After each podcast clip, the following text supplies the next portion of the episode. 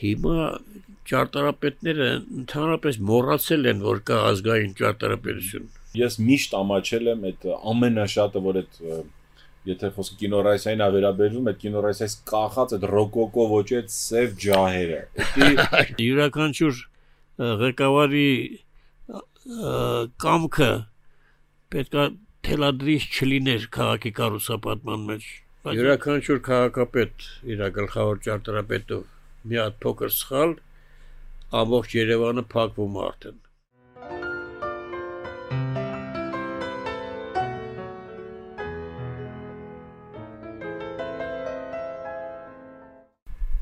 Բարև ձեզ, գործարար Ալիքի եթերում Երեկոյան Երևան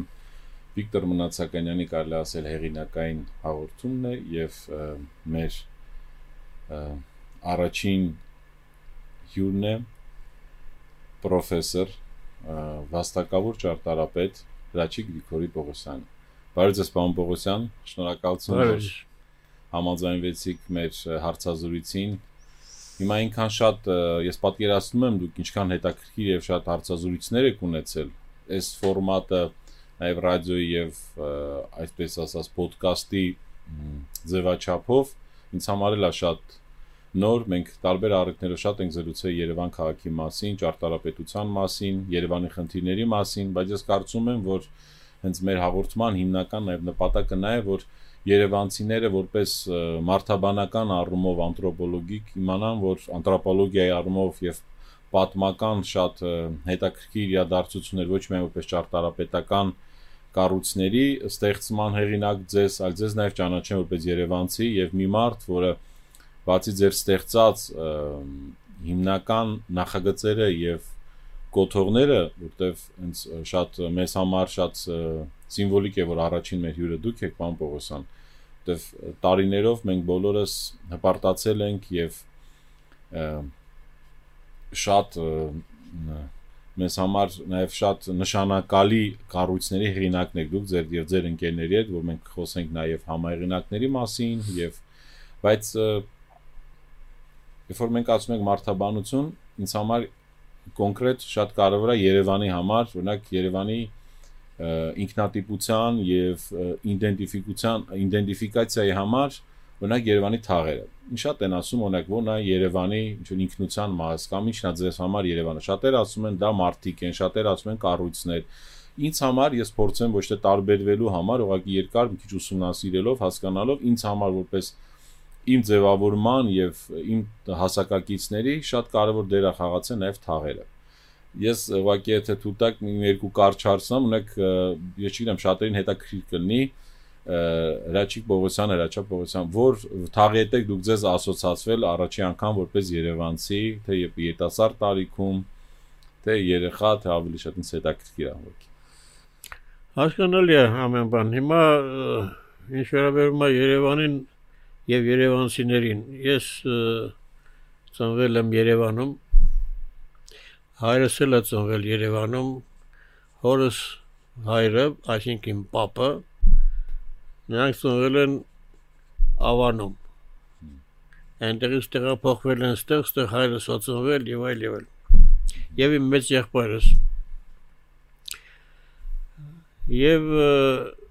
այդ տեսակետից Երևանը ինձ համար ոնց որ տուն լինի։ Ես երկար կյանք եմ ապրել արդեն բավական տարի անցել է ու այդ կյանքի ընթացքում բազմաթիվ բաներ եմ տեսել Երևանի հետ կապված մարդկանց հետ կապված արքները նեղել մտածելու ինչ բան է Երևանը, ինչի է Երևանը այսքան մեծացել Համենայն դեպս ինչ որ այս Երևանցու համար, այսինքն յուրաքանչյուր մարդի համար հայրենիքը բաղկացած է մի քանի этаպներից կարելի ասել։ Որոնցից առաջինը դա իր բնակարանն է, իր տունն է, որտեղ ինքը ծնվել, մեծացել է։ Հետո տնից դուրս է գալիս, երկրորդը դա փողոցն է։ Հարևան մարդիկ, հարևան տաներ, այդ շրջապատը բան եւ այլն Դրանից հետո գալիս է թաղը արդեն։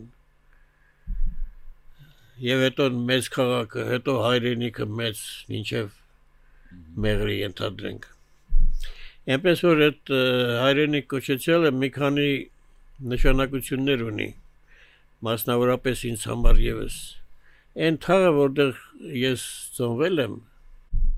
հիմա չկա գոյություն չունի դա մի ջափարիզե անունով փողոց էր ջափարիզեն էլ վրացի ինչ որ հեղափոխական է եղել կարծում որը քանդվեց եւ այդ քանդված տեղում հիմա մեծ շենք է կառուցված դա ամենակենտրոններից էր Պուշկինի փողոց, Գնունի փողոց, որը գալիս էր հասնում էր մինչև Եկմալյան, հիմա դուրս է գալիս մինչև Մոսկովյան։ Այդ տեղում էր մեր տունը։ Տունը կառուցել էր պապս։ Երբ որ նա եկել էր Երևան, ինքը ձեր ձերքից շնորհքով մարդ էր եւ այդ տունը կառուցել էր երկու հարկանի չթրծված աղյուսից էնել աղյուսը ոնց էին սարքում առաջներում Երևանում համենայնպես տների մեծամասնությունը այդ նյութից էր այդ սև քարից մի քանի հատ շենքեր կային չէ կներեք դա որ թվականներ ինչպես մոտավոր դա որ թվականներ դա ես կարծում եմ հեղափոխությունից առաջ 1910-11 թվականներին որից հետո արդեն երկրորդ հարկում ապրում էինք հորեղբայրս իր ընտանիքով, առաջի հարկում էլ ապրում էինք մենք։ Իսկ մի բան կարելի հարցնել որն է ձեր մանկության Երևանի հետ կապված կամ որպես քաղաք Երևանի հետ կապված հետաքրքիր հիշողություններ կա տենց հիշողությունները բազմաթիվ են ես նորից չկրկնեմ որ բավական երկար եմ ես երկրի վրա ապրում ու ինչ ասես տեսել եմ Երևանի հետ կապված բայց մեզ հենց դա է հետաքրքիր պարոն Պողոսյան հենց ձեր մանկությանն է առաջի տպավորությունս իմ ամենաուժեղ տպավորությունս դա պատերազմից ավարտից հետո 45 թվականին ավարտվեց պատերազմը 46 թվականին եղավ ջրհեղեղ Գեդարը դուրս եկավ ափերից մայիսի 26-ին եւ Երևանի այս կենտրոնական մասը մեծ մասը տարավ իր հետ սարսափելի բաներ մենք փոքր էինք այս 10 տարեկան էի մոտարապես 11 գնում էինք այդ փողոցները նայում էինք միջև Աբովյան փողոցի վերևները միջև անատոմիկում այդ անատոմիկումի կեսը տարել էր շենքը կեսը կար կեսը չկար եւ տրամվայի գծերը ասենց թելի նման փաթաթված էին Աբովյան փողոցով այն ժամանակ տրամվայը անցնում էր Սարսափելի բան էր, ագին մարդիկ զոհվեցին, գազանանոցը ավերել էր այդ գազաններին հետը բերում էր օծեր, արյուսներ, բանյովել։ Որ որից հետո իհարկե այդ բոլորը վերակառուցեցին, կարգավորեցին եւ ես երկրորդ ամենա ցայտուն տպավորությունը դպրոցն է իհարկե այդ տարիներից հետո դուք որ դպրոցն եք գնացել ես Չկալովի անվան դպրոցում եմ սովորել այդ ժամանակ Չկալովի դպրոցը Չկալովի դպրոցը հիմա էլ կա շենքը նրա 3 հարկանի շենք էր այսինքն հիմա էլ է 3 հարկանի առաջի երկու հարկը Բերիայի անվան հայկական դպրոցներ երրորդ հարկը Չկալովի անվան ռուսական դպրոցներ ինձ տարել էին ռուսական դպրոց մտածելով երևի ծնողներս որ լեզու իմանամ էլ երկրորդ լեզուն։ Այդ դպրոցում ես ընդունվեցի եւ ավարտեցի մինչեւ 10-րդ դասարան։ Շատ լավ ընկերական շրջապատ կար դպրոցում։ Վերջի դասարաններում ես սկսեցի սպորտով զբաղվել։ Գիմնաստիկայով էի զբաղվում։ Այն ժամանակ Հրանտ Շահինյանը դարձել էր օլիմպիական չեմպիոն 52 թվականին եւ ես իր մոտ աշակերտում էի իրանից այն ժամանակ այդ դպրոցը չկար Հրանչանյանի ավան ոչ էլ Ալբերտ Ազարյանի չկային տես դպրոցներ կային թաղային սպորտային դպրոցներ բայց այդ դպրոցը չկար եւ Հրանտ Շահյանյանը ինձ վերցեց որպես աշակերտ 52-53 թվականներին երկու տարի իր մոտ եղա հետո տրավմա ունեցա դադարեցի սպորտով զբաղվել նույն դա ինստիտուտում արդեն զբաղվում էի մի քիչ Դե կարծում եմ թե հայկական սպորտը կորուստ ունեցավ, բայց ճարտարապետությունը եւ Երևան քաղաքը շատ շահեց, որ դուք շարունակեցիք սպորտով։ Իսկ Ես ոնց հասկանում ձեր դպրոցի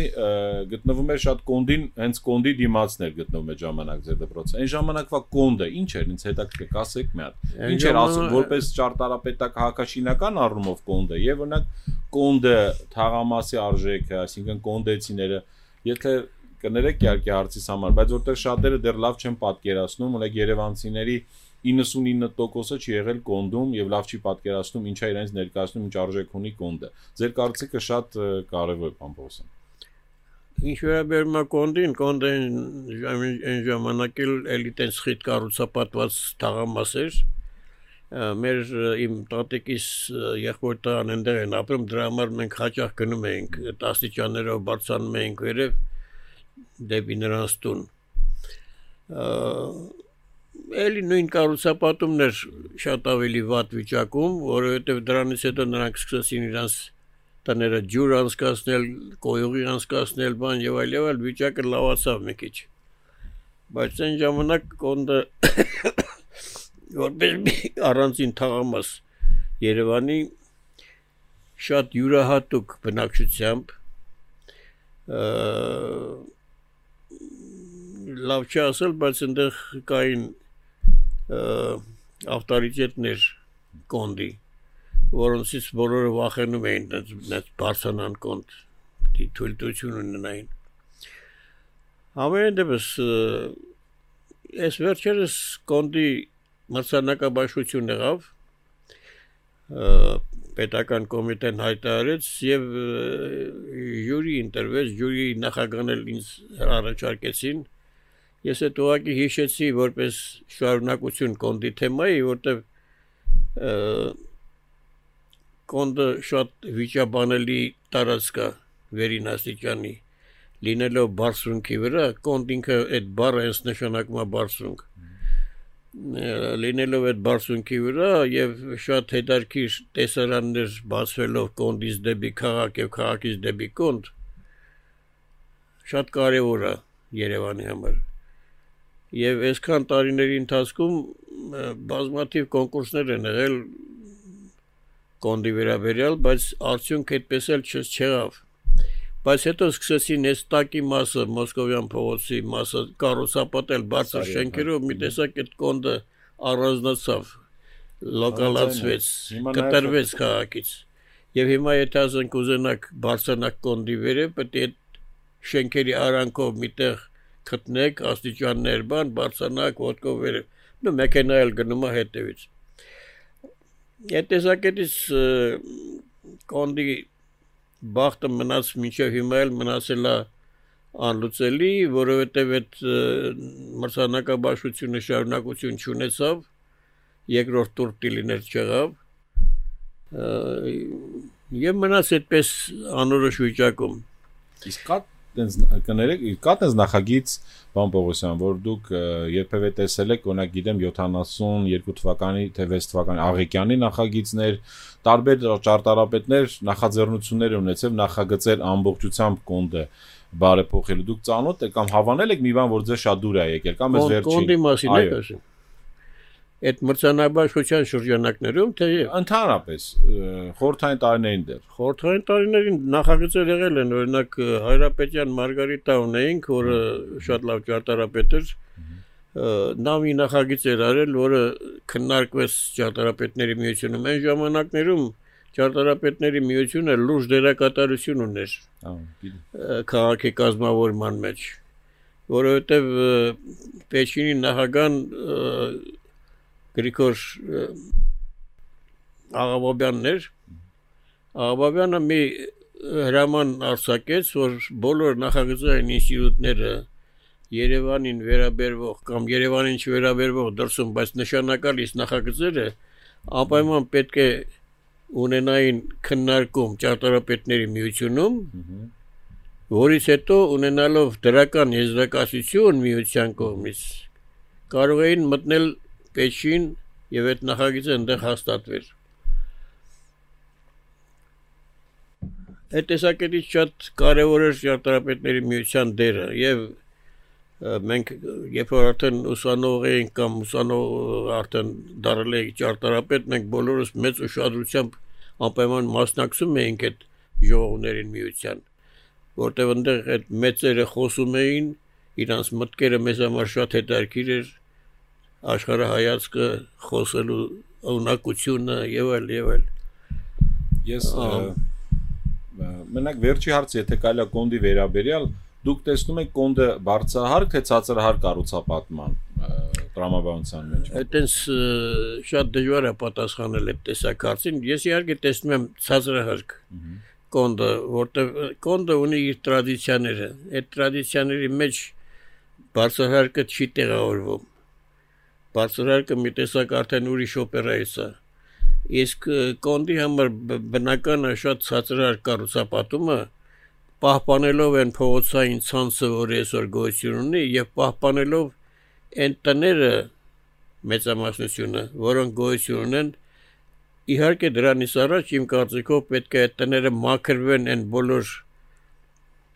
շերտավորումներից ժամանակի, որոնք այդ տների վրա արել են բնակիչները իրանք այնտեղ այդ հիմա մի խոսքը վերնակուլյար ճարտարապետությունն ասում չէ, այսինքն ճարտարապետություն առանց ճարտարապետի, որը նույնպես շատ է դարքիր թեմա է։ Եվ այդ տները մաքրելուց հետո յուրաքանչյուր տունը ուսումնասիրելուց հետո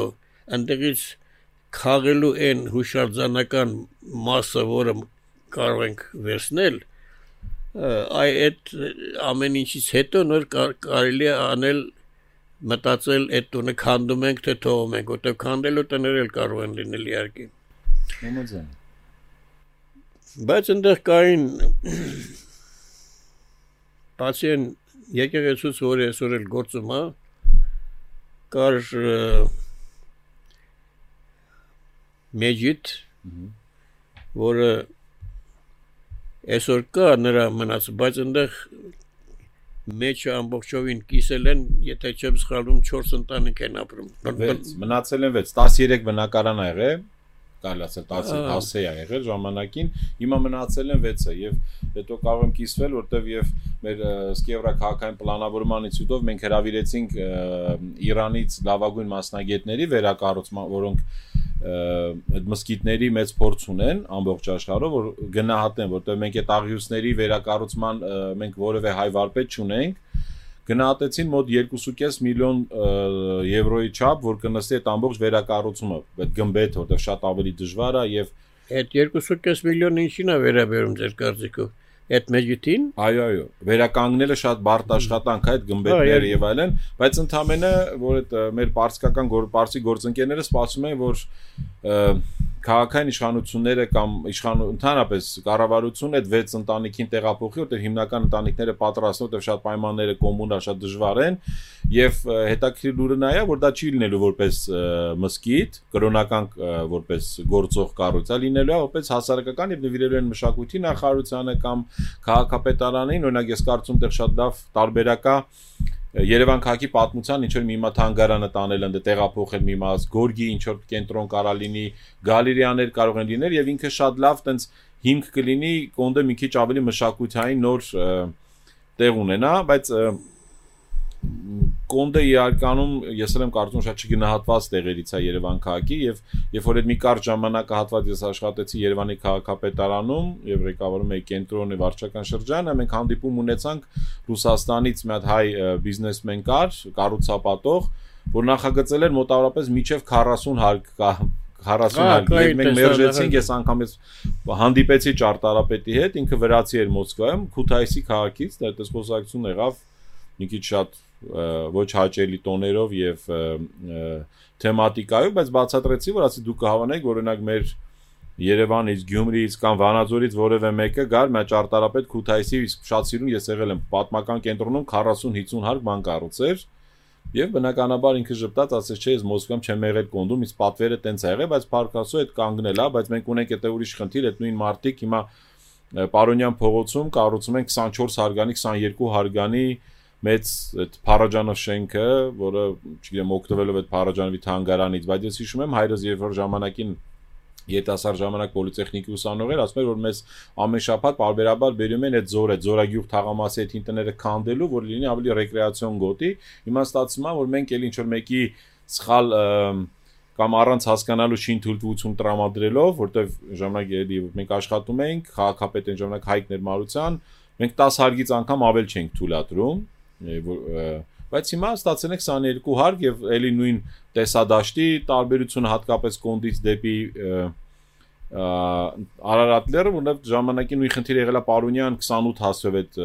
ատամնաբուժական այդ երկար շենքը, որ կոոպերատիվ կառուցեցին, այդտեղ մի հատ կարելի ասել կներեք ժողովրդական լեզվով ասած կոնդի հերն անիծեցին տեսարանի նույնը դվին հյուրանոցը չնայած ինք որպես արժեք շատ կարևոր է մեզ համար բայց երևի մենակ դվինում կոնդում եղել է դվին հյուրանոցը եւ այդ ռուսավելի դպրոցը որը միակ դպրոցն է որ փակ է Երևանում եւ կենտրոնում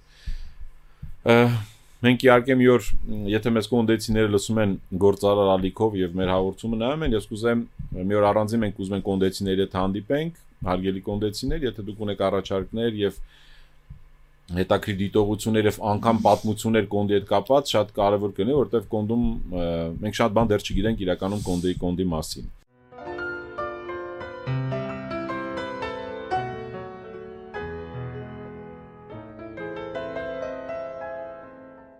Ես վերադառնամ, եթե թույլ տաք հիմա ավելի ձեզ որպես շատերը գիտեն որպես համահեղինակ եւ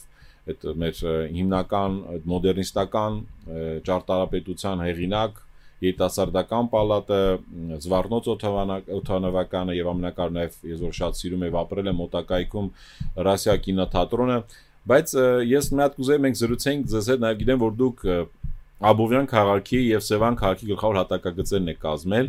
որ խնդրեմ կարող եք ասել նակ Աբովյան փողոցի Աբովյան քաղաքի եւ Սևան քաղաքի հատակագծերի տարբերությունը, նաեւ գիտեմ որ դուք Սևան քաղաքինը դեռ ինչ որ ինչ-ինչ պատճառներով չի ավարտվել այդ հատակագիծը, որտեվ մի հատ կուզեմ Աբովյանից, որտեվ կարծում Աբովյան ինձ համար եւ ամենագերագետ եւ ամենաճիշտ կառուցած հատկապես Երևանին մոտ շատ քաղաքներից էր։ Ոնց եղավ այդ պատմությունը, ինչով դուք տենց ոգեշնչվեցիք եւ այդ որտեվ դուք եկեք բավական երիտասարդ եք այդ ժամանակ, երբ որ ալեք խավոր հատակագիծը։ Ասեմ, որովհետեւ Աբովյան քաղաքը այն որոշիչ կետն էր, որտեղ ստեղծվեց մեր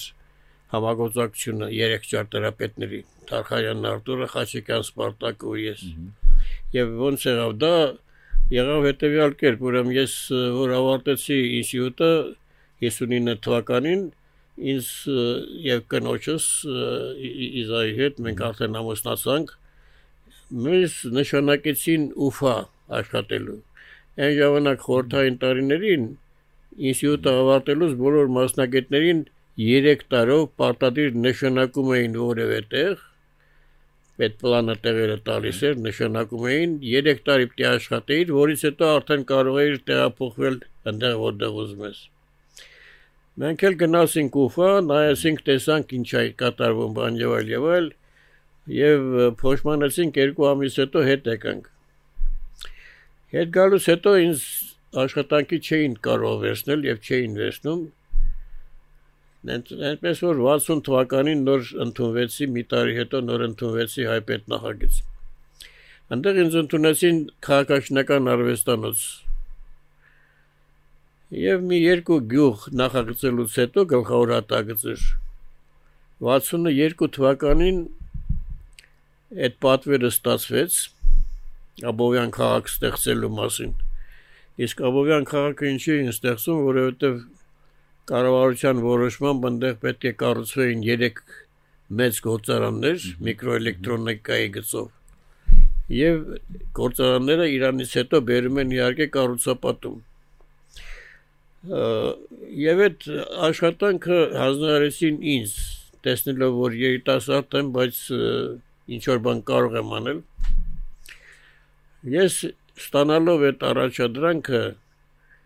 խորանալով դրա մեջ միանգամից հասկացա, որ դա շատ լուրջ գործ է, որ դա մի հոգու բան չի։ Եվ որոշեցի Որոշեցի դիմել Արտուրին ու Սպարտակին, որոնք վերևի հարկում էին աշխատում Սամվել Սաֆարյանի արվեստանոցում։ Շատ կներեք էլի։ Բայց ինչի հենց պարոն Թարխանյանին եւ պարոն Խաչիկյանին ինձ միշտ հետաքրքրել։ Ասեմ ինչի, որովհետեւ այդ ժամանակ նրանք արդեն էլի ճանաչված երիտասարդներից էին։ Հա, հասկացա։ Թարխանյանն էլ Խաչիկյանն էլ արդեն ինչ որ նախագծեր էին արել։ Աշխատել էին ակադեմիայի շենքի վրա Սամվել Սաֆարյանի հետ։ Մյուս շենքերի վրա նախագծել էին արդեն այն երկու հարկանի տնակները, որոնք ազգային ժողովի շենքի դիմաց կան, հա։ որտեղ ապրում էր Վիկտոր Համբարձումյանը։ հա, գեներ։ Եվ ես ճարդանչելով Արտուրին դեռ ինստիտուտից որպես շնորհալի մի մարդ Սպարտակին ծանոթ չէի, բայց այդ արդեն Երևանում արած գործերից էի ծանոթ։ Դրա համար նրանց դիմեցի։ Եվ հավաքվեցինք այս Սարյանի արձանի մոտի պուրակում Այնտեղ մի նստարանի վրա նստած ես իրանց պատմեցի Աբոյան քաղաքի գաղափարի մասին։ Իհարկե մի անգամից ողջորվեցին երկուսն էլ, թե դավայ անում ենք։ Ու սկսեցինք աշխատել։ Ինչ վերաբերում է մյուս գլխավոր հատակին Սևանին, դա մենք արեցինք Սևանը մենք արեցինք արդեն եթե չեմ սխալվում 75 թե 80 թվականներին այդ տարիներին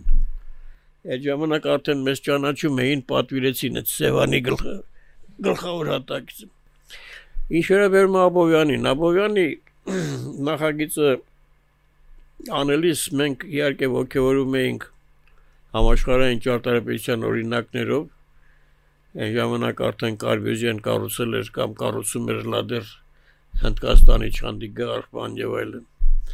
Եվ այդ գաղափարները, որոնք գալիս էին դեռ ռուսական սովետական ճարտարապետությունից, կոմունատներ, ապրելակերպի նոր ձևեր եւ այլ, այդ բոլորը մեր մեջ հավաքել էինք արդեն կային եւ փորձեցինք այդ տեսակահակ անել եւ այն երկար գիծը, որը անցնում է Երևանից դեպի Սևանա գնում, նա անցնում է հենց Աբովյանի մեջով։ Նրանից դեպի ցախ տեղավորեցին արդյունաբերական օբյեկտները, այդ ճանապարհից եւ երկարգծից դեպի աճ տեղավորվեցին բնակելի տարածքները։ Եվ նրանց կենտրոնում տեղադրեցին քաղաքի կենտրոնը մտածելով որ յուրաքանչյուր մարդ իր տնից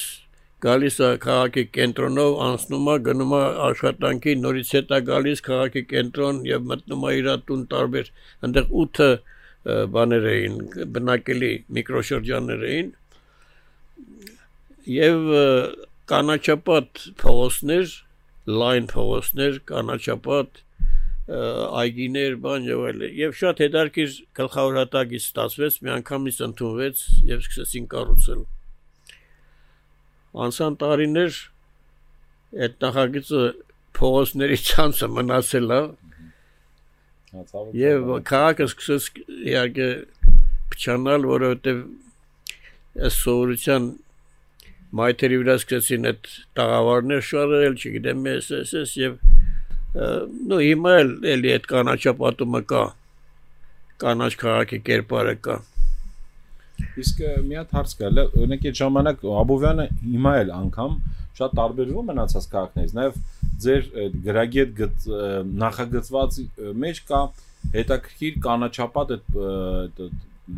parkway-ն ասում անգլերեն, այդ երբ որ ծառերի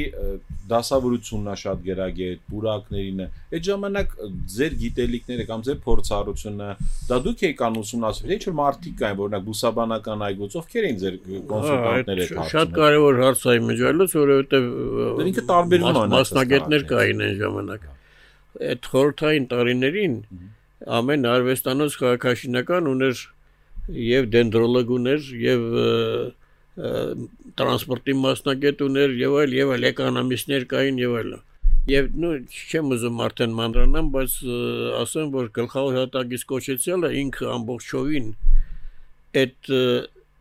բնակավայրի ոնց ասեմ կենսագրությունն է կամ ասենք այդ բնակավայրի կազմակերպումն է սկսած տրանսպորտից բնակելի տներից, աշխատավայրից եւ այլ եւ այլ հիվանդանոց բան։ Եվ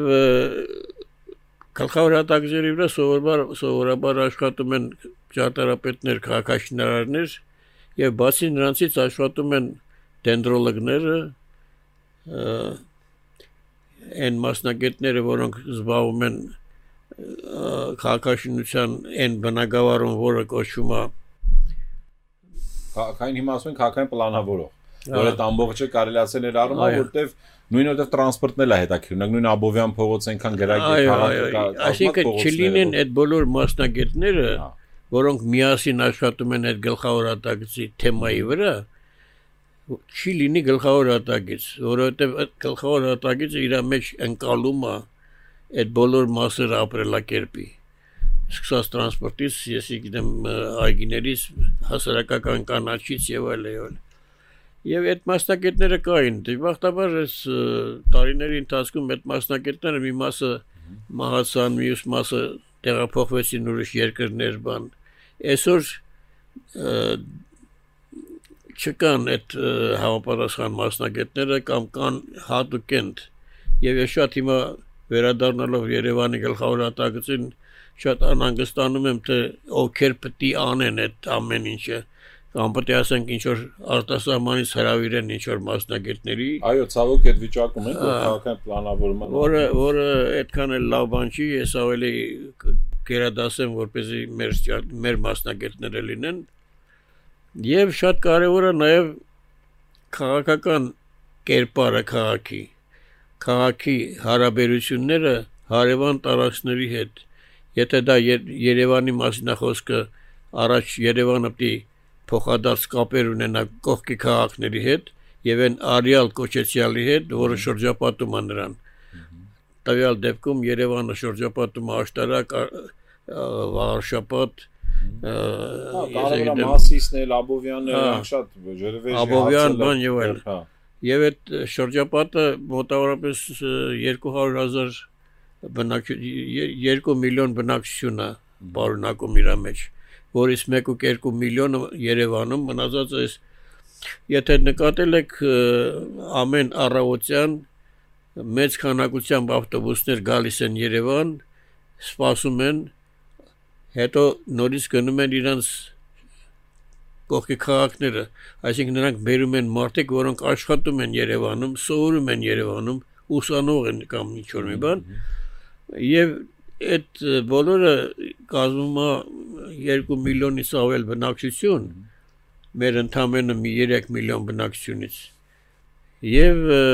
դա շատ վատ է ազդում մեր ամբողջ երկրի կառուցվածքի վրա որովհետև ամեն ինչ հավաքվել է այսօր Երևանում ադմինիստրատիվ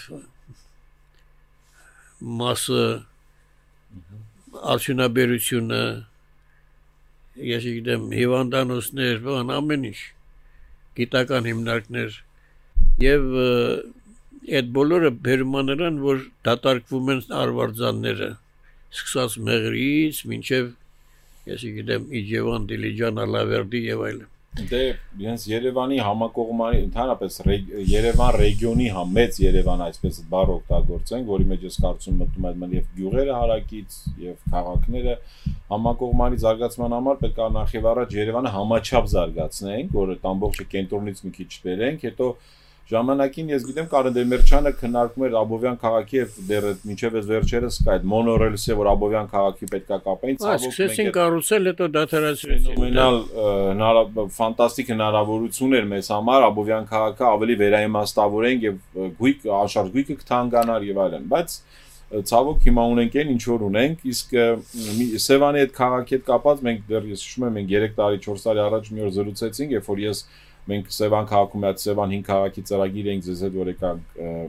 խորհրդակցելու ինձ ամենակարևոր պես քաղաքային պլանավորող մի բան էր զարմացնում որտեղ օրինակ Բաթումի օրինակը կամ այլ ծովային ռեգիոնին մոտիկ քաղաքներին, երբ որ քաղաքը մոտա ջրային ավազանին, դա լիճ կնիցով մի քիչ ավելի մի շարժարական է, ավելի հետաքրքիր է։ Էլ չասած որ պրոմենադներ, այդ առապնյա տարածքներ ունենք բայց ես գիտեմ որ այն ժամանակ պատվեր ոնց որ եղելա որ դուք ասացիք որ ճանապարհը դեռ մենք չգիտենք Սևան ինչքան պիտի բարձրանա թե իջնի եւ որտեղ կառուցեք եւ ես շատ ուրախացա, որ դուք մի օր ուղարկեցիք այդ նախագիծով Սևանը ճանապարհի տակով գալի գտնում էր հենց Սևան կենտրոնին, որը հենց ինձ էլա թվում որ հիմա Սևանի փրկությունը կլինի, որտեղ Երևան քաղաքում Հայաստանում ամենաշատ տուրիստական կենտրոնը համարվում է Սևանը։ Տարեկան միլիոնից ավել մարդ գնում է, բայց Սևան քաղաք կարող է մտնեն տարվա մեջ 20-ից 30 հազար եւ Սևան քաղաքը չի օգտվում դրանից։ Եվ չի երևում ընդհանրապես ընդ քաղաք կա թե չկա։ Ու մենք ժամանակին առաջարկեցինք այդտեղ Սևանում այդ 5 քաղաքը եւ նաեւ 1 կիլոմետր փորձնական առապնյա տարածք։ Հետո ինչ որ քաղաքաշինության կոմիտե գնաց դա դարավ 13 13 կիլոմետր, որը կարծում չիրականացող ծրագիր է, չեմ ասում կնեղացնենք հարյուրավոր այնտեղ չասեմ սեփականատերեր, որտեղ ազգային պարկի խնդիր կա, բայց ես կարծում եմ որ քաղաք քաղաքաշինության պատասխանատուները ճիշտ ուղով չգնացին այդ պահին եւ մի օր կշտկվի եւ ուսումնասիրելով միջազգային փորձը պան Պողոսյան միջև ես իմ դեն կարծիքն է դու կարող եք ուղղել բայց միջև մենք Սևան ազգային պարկը հատկապես այս վերջի այ դեպքերը ծովի ջրի ձկան հետ կապված բիզնեսների նախ պետք է մենք հասկանանք ազգային պարկ ասելով իրականում ինչ ենք հասկանում որտեվ եթե ազգային պարկ ենք ճանաչում բայց կողքի մի քանի գյուղերի սաղ կոյուղաջրերը գնում են դա ուրեմն ճիշտ չի կամ այնտեղ իշխանությունները թերացում ունեն բայց Միչև ես կարծում եմ բիզնեսները եւ քաղաքացիները ունեն սեփականության իրավունք հենց այդ նույն առափնյա տարածքում որևէ մեկը նորմալ բան չի կառուցելու տեղ։ Հենա ունենք հյուրանոցներ, որը շատ լավ աշխատում են, տարբեր եւ պանսիոնատներ են եղել նույն Սևան ազգային պարկին որևէ ձև, ասենք, չգիտեմ, էկոսֆերան չի վնասել։ Ես կարծում եմ այդ լավ կներ որ վերանայենք դա եւ ես Սևանի նոր պոտենցիալ է սպասում, որտեղ ինքը լինելով Հայաստանի ու Վրաստանի արանքը լավ ճանապարհն է։ Ուղղակի այդ ճանապարհը եթե թեքեն սարի տակով եւ Սևանը գար կպներ լճին, եւ ես կուզեի որ դուք մի օր դա հեղինակեիք այդ հաղագիծը եւ մինչև դրան դրան հասնելը, մինչև հասնելը ես մի հատ վերադառնանք Երևանին, որ เป զի հասկանանք նաև Սևանի խնդիրները։ Ուրեմն խնդիրը նրանում նա որ Երևանը ըստ եվրոպական տվյալների համեմատելով բոլոր եվրոպական երկրների հետ, մանավանդին երկրների հետ, որոնք տարածքով եւ բնակչության քանակով մոտավորապես մոտ են մեզ, ասենք Բելգիա, ես իմ երբ Շվեյցարիա, բան եւ այլ։ Երևանը շատ է մեծ։ Նրանց մայրաքաղաքները 150.000 բնակչությունից 150.000 մինչև 200.000, 300.000, մաքսիմում ամենաշատը մինչև 400.000 բնակչություն ունեցող մայրաքաղաքներ ունեն։ Օրինակ Շվեյցարիայում մայրաքաղաքը եթե չեմ սխալվում 150.000 է։ Հա, բավական Այդ տեսակետից Երևանը չպետք է մեծացվեր այդքան, բայց քանի որ մենք գտնվում ենք սովետական երկրի մեջ եւ կողքերը ուրիշ հանրապետությունները որոնք ավելի մեծ էին, հզոր էին, ունեին երկր նավթ բան եւ այլը, նրանք մեծ քաղաքներ էին դառնում։ Մեր Երևանի քաղաքապետարանը եւ կառավարությունը անընդհատ ուզում էր Երևանը մեծացնել, որ เป զի համեմատվեր այդ բոլոր քաղաքների հետ։ Չնայած դա սխալ էր։ Հետո կառուցեցին մետրո, բան եւ այլն։ Եվ եթե Երևանը այսքան չմեծանար, այն քաղաքները, որոնք շրջապատում են Երևանը, Գյումրի, Վանաձոր, Դիլիջան, բան եւ այլն, նրանք չէին փոքր մնա այդքան։ Նրանք նույնպես կմեծանային։ Համաձայն ճիշտ է։ Որովհետեւ նրանք կգնար նույն արդյունաբերություն, բնակչություն կավելանար եւ այլ եւ այլ։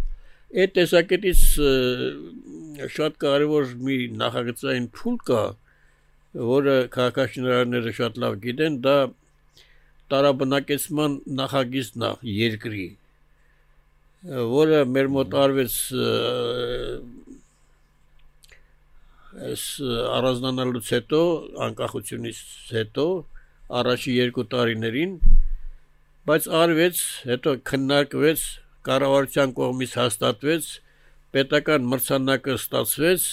հեղինակների կողմից եւ դրվեց դարակներում փակվեց վերջացավ դրանով Մինչև օրս ես չեմ կարծում, որ որևէ ղեկավար կամ պետք կամ այդ նախարարներից որևէ մեկը այդ նախագիծը տեսել է, կարդացել է։ Ես էլ եմ առաջին։ Իսկ այդ նախագիծը ինչա այնտեղ որոշվում, այնտեղ որոշում է բոլոր քաղաքների, գյուղերի, մենք 900 հատ գյուղ ունեինք այն ժամանակ։ Հիմա միացրեցին պակասեց։ Եվ դրանց հերանեկարային տեսքն է որոշում, չափերն է որոշում, բնակչության թիվն է որոշում, կախված տարբեր տարբեր բաների հետ, ուրեմն տրանսպորտի հետ կապված, տարածքային հնարավորությունների հետ կապված, կարելի է կառուցել թե չէ, սեյսմիկ հնարավորությունների հետ կապված եւ այլն։ Եվ դա բերում է նրան, որ ամբողջ երկիրը, ասենք տվյալ դեպքում էս փոքր Հայաստանը, պատկերացվում է նախագիծ ապագա 20-30 տարիների համար, որտեղ զարգանա, որտեղ քիչ զարգանա, որտեղ շատ զարգանա եւ ինչ պիտի կառուցվի։ Երբ որ մենք 88 թվականին Ղարաբաղի խնդիրը առաջ եկավ, Այն ժամանակ ես ղեկավարում էի Հայպետ նախագիծ ինստիտուտի տնօրենն էի եւ դիմեցի նոր կառավարությանը ասելով որ հիմա ուզում ենք Ղարաբաղը միացնենք Հայաստանին չգիտեմ կստացվի չի ստացվի բայց ենթադրենք ստացվեց Ղարաբաղը միացնելով Հայաստանին մենք ինչ ենք ուզում դրանից ստանանք ինչ ենք ուզում որպեսզի այնտեղ զարգանա ինչ արդյունաբերություն, այդ ժողովուրդը ինչով զբաղվի եւ այլ եւ այլ որովհետեւ կտրելով ադրբեջանից նրան պետք է կարողանաս ինքնուրույն կյանք տաս չէ որպեսի ապրի ինքը ընդունվեց այդ իմ առաջարկը բայց հետո մնաց այդպես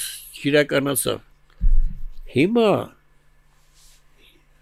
Խոսքը գնում է Երևանի նոր գլխավոր հատակցի մասին։ Առանց այդ ընդհանուր պատկերացման, թե Հայաստանը ինչա լինելու, Երևանի գլխավոր հատակից անելը սուտ բան է, անհնար է կամ հնարավոր է, բայց դա աներականանալի գլխավոր հատակից կլինի նորից, որտեղ չգիտենք թե կողքերը ինչա լինելու։ Հիմա մանավանդ այդ հակամարտությունը Ադրբեջան-Հայաստան Նախճեվան եսի մեսեն շատ ան, անհասկանալի վիճակներ են։ Այսինքն ասելս նա է, որ պետք է անպայման վերադառնալ այդ նախագծին, որը արվել է մոտավորապես 30 տարի առաջ, բավական մեծ ժամկետ անցել։ Այդ նախագիծը վերանայել, որոշել այդ ամբողջ պատկերը Հայաստանի լրիվ մեղրից մինչև Ալավերդի նոյեմբերյան, որից հետո նոր հասկանալ Երևանի հետ ինչ ենք անում որովհետև Երևանի հետ որևէ բան անելը մեծացնել, փոքրացնել, չգիտեմ, մեծ հարկայնություն ենք որոշում մեսեն, այդ ամեն ինչը կախված է ամբողջ Հայաստանի վիճակից, բախտից եւ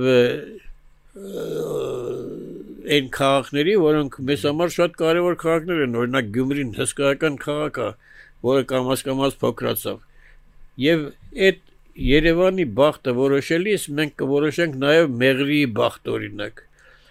որը մինչև վերջերս 14000 բնակչություն ուներ, այս 30 տարվա ընթացքում 10000-ը գնաց, մնացել է 4000 ընդամենը մեղրիում բնակչություն։ 14000-ից 4000։ Այսինքն այն տարածքները, որոնք մենք չենք օգտագործում, օրինակ Սյունիքը, որտեղ ամբողջ այդ փոչի մեջ Հայաստանի գլխավոր հատակիցը որ նայենք, այս փոչը որ գնում է մինչև մեղրի, Այդտեղ ապրում է ամենաշատը 200.000 մարդ։ Ես հա 3 միլիոնից։ Ես ավելի վատ բան ասեմ, մի օր ես երբ որ Պարսկաստանի կողմից գալիս էի, եթե վերցնենք սահմանից մոտավորապես օրինակ 50 կիլոմետր հեռավորություն, հա, Պարագծով։ Մեզ մոտ ապրում է ոչ ավել քան 30000 մարդ, Պարսկական կողմից 3 միլիոնից ավել մարդ էր բնակվում։ Այսինքն այդ նույն հեռավորության վրա եւ այդտեղ իրական ստրատեգիական հարցեր շատ կային բայց դուք շատ ավելի խորքային խնդիր բարձրացրեցիք եւ նշում եք որ ասում եք գլխավոր հատակագծի ցավոք գլխավոր հատակագծի մասին հիմա շատ չեն են խոսում ինչ որ ձևական քննարկումներ եղան անհասկանալի մասնագետների եւ չգիտեմ ինստիտուտի կողմից օրինակ ինձ հետաքրքիր վերջերս լսում եմ Մոսկվայի նախին գլխավոր ճարտարապետ Կուզմինը երբ որ Լուչկովի հետ էր, բարձում է հետաքրքիր է այդ մարդը ամենապատասխանատու ժամանակաշրջանի գլխավոր ճարտարապետն ա եղել մեծ մայրաքաղաքի եւ բարձում ենք եղել է հենց գլխավոր հատակագծի մասնագետ ա եղել Այսինքն ինքը Մոսկվան այդտեղ մենք գիտենք այդ Լուշկովի ժամանակ էսթետիկայի առումով, հա, ճարտարապետական շատ ուժեց,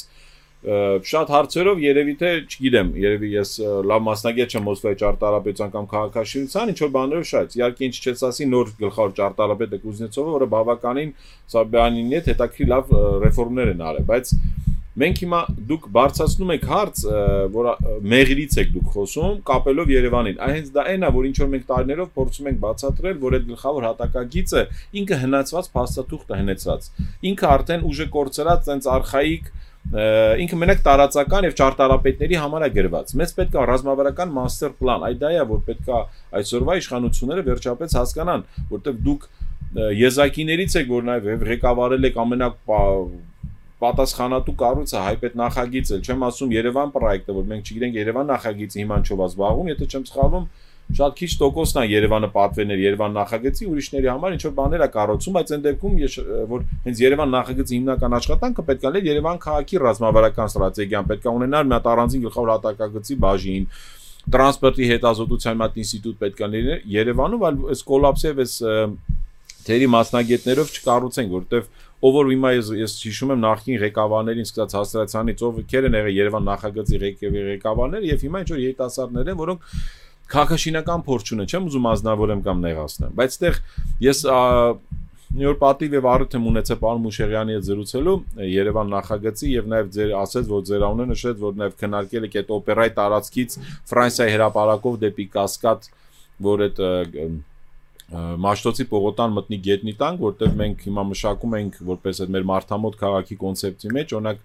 Խանջան փողոցը։ Խանջան փողոցը ինքը կարելի ասել մայրուղի է, շոսե է, ինքը հասարակ փողոց չդարավ։ Ինքը արդեն Երևանի կենտրոնն է կիսել ամբողջությամբ եւ նույնը Մաշտոց Պողոտան, որը դարձել է կարիդորնի ոնց որ մի հատ բանը հիմնական տրանսպորտներ։ Դա այնքան դուպլիկացիա կա տրանսպորտի, բայց մենք մասնակից չունենք, չունենք գրագետ տրաֆիկ ինժեներ եւ այնց այդ հայպետ նախագիծ հատկապես Երևան նախագիծը պետքա զբաղվեն եւ կրթեն եւ այդ որ ասում եք մասնագետները պետք տեղական ես համաձայն եմ որ մեզ տեղացիներ են պետք Պարոն Պողոսյան, բայց այն ժամանակ դուք գոնե գնում եք ինչ որ միջազգային փառատոն, բաների եք մասնակցում, կոնֆերանսների։ Քաղաքապետարանը հարուստ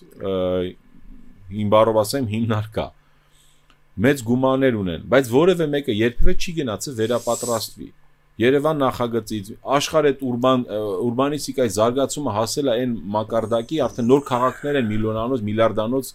գծում, բայց Երևանը մենք հետ ենք մնացել եւ Այստեղ իհարկե ձեր խորհուրդների կարիքն է շատ կլինի, բայց ամենակարևոր բաներից նաև թե տրանսպորտն է, թե կանաչապատումն է, թե ամենակարևորը սոցիոլոգիական եւ ռազմավարական մասսապլանի տարբերությունն է, երբ որ սկսել են քաղաքացուն վերջապես լսել։ Այ միջև մենք չլսենք Երևանցին ինչ ա ուզում, Աբովյանցին ինչ ա ուզում, հա, Սևանցին ինչ ա ուզում, Գորիսում ինչ են ուզում։ Դրանից այնքան հերո ենք հլա դեռ միջև։ Դե պետք է անենք, հենց մենք էս այդ հարցը համարել կարելի ասել։ Երևանցուն ասենք ինչ է ուզում։ Երևանցի Այդ այլ մասնակցային կառավարումն է, պարոն Պողոսյան։ Ես հենց որտեվ այն ինչ որ դուք կառուցել եք, ես ձեր հարցազրույցներից մեկում լսել եմ մնաք այդ ոնց ասեմ այդ կոլեկտիվ հիշողությունը, բայց որ դուք երբ որ կինորասյան քննարկում եք, այդտեղ է բաններ, չէ՞, սև շուկաներ կարելի ասել, կուլտուրական դեր ասած։ Դուք փորձեցել եք մշակույթը փոխեք Երևանի, բայց ելի հիմա դարել է ինքը յարմրկա։ Նույնը ես խնդիր ունեմ, չգիտեմ, ցումի տեղը, հա, հիմա ասենք ձեսկի մերի տեղը, շատ տեղեր, էլի ցավոք այդ մենք հետ ենք գնում։ Ես ինքը սիլաչ եմ մեծացել եւ ես հիշում եմ այդ մեր շուկան, հիշում եմ այդ գումը, հիշում եմ այդ առաջին փողոցային առևտուր անկախությունից հետո ոնց այդ ամբողջը մի կարելի ասել ընդամենը մի ամսում, երկու ամսում սաղ փոխվեց եւ մենք հետ գնացինք շատ տարիներ։ Բայց ճարտարապետությունը դա այն է, որ իրոք ասում են, որ մենք կառուցում ենք շենքեր եւ այդ շենքերը կառուցում են մեզ։ Բայց Ես ուզում եմ ձեզ օգտվել եւ առիթից շարունակել նաեւ ձեր որպես ճարտարապետ եւ գիտեմ դուք միջազգային ճարտարապետական ակադեմիա ակադեմիկոս եք պարոն Պողոսյան եւ դուք շատերի իմ ընկերներ հատկապես արտասահմանցի երբ որ մենք գալիս ենք ես շրջում եմ իրենց հետ ամ անկեղծ ամենայն առաջնության ուշադրություն են դարձնում ձեր ձեր եւ պարոն Թարխանյանի, պարոն Խաչիկյանի, պարոն Մուշերյանի, պարոն մնացած տարբեր ձեր գործընկերների, սկսած պարոն Ազիզյանի եւ ձեր գլուխ գործոցներից։ Մի հատ ինձ եւ կողքից նայելով ես որպես օրինակ քաղաքային պլանավորող ձեր ձեռագրի մեջ տեսնում եմ ավելի երկաթ բետոնյա ասոցացնում եմ ձեզ ինչ որ բետոնի եւ նոր այդ ժամանակաշրջանի հետ դուք ո՞նց եղավ այդ մատերիալի ընտրությունը եւ արդյոք դուք հիմա ծանոթ եք նոր մատերիալ կամ ինչ հետաքրքիր եթե ձեզ նոր հասարակական կառույց պատվեր ունենա Երևան քաղաքի համար ինչից կաշխատեք էլի բետոնի հետ թե ինչ որ քարի թե այլ ինչ-որ տենց հետաքրքիր բան կուզենայիք փոխել առաջինը սկսենք նրանից որ հիմա նորմաների մեջ շարքել կեն մցրել քարով երեսապատելու հա բադ բանը բացարակ շենքեր այսօր այդ վենտիլյացիոն հայտվածներ հարցը դեր քարը կամաց կվերանա որպես երեսապատման նյութ։ Որտե մասնագետներ են։ Բայց ինչ վերաբերում է Ռասիա կինոթատրոնին, ես շատ կուզենայի մի երկու խոսքով անդրադառնալ, որտեղ այն ողջավորությունը եւ այն ջանքերը, որ մենք թափեցինք Ռասիա կինոթատրոնի վրա, այն ժամանակ պետական էր, մասնավոր չէր։ Եվ իմանալով ուսումնասիրելով այդ տարածքը որ որտեղ ես մանկ այս փոքր ժամանակվանից 10 տարեկանից պապիս ձեռը բռնած գնացել եմ այդ շուկան մանը մեկել այնտեղ ուխտեր էին ցուլ բաներ էին այդ կարող ուխտերով վերում են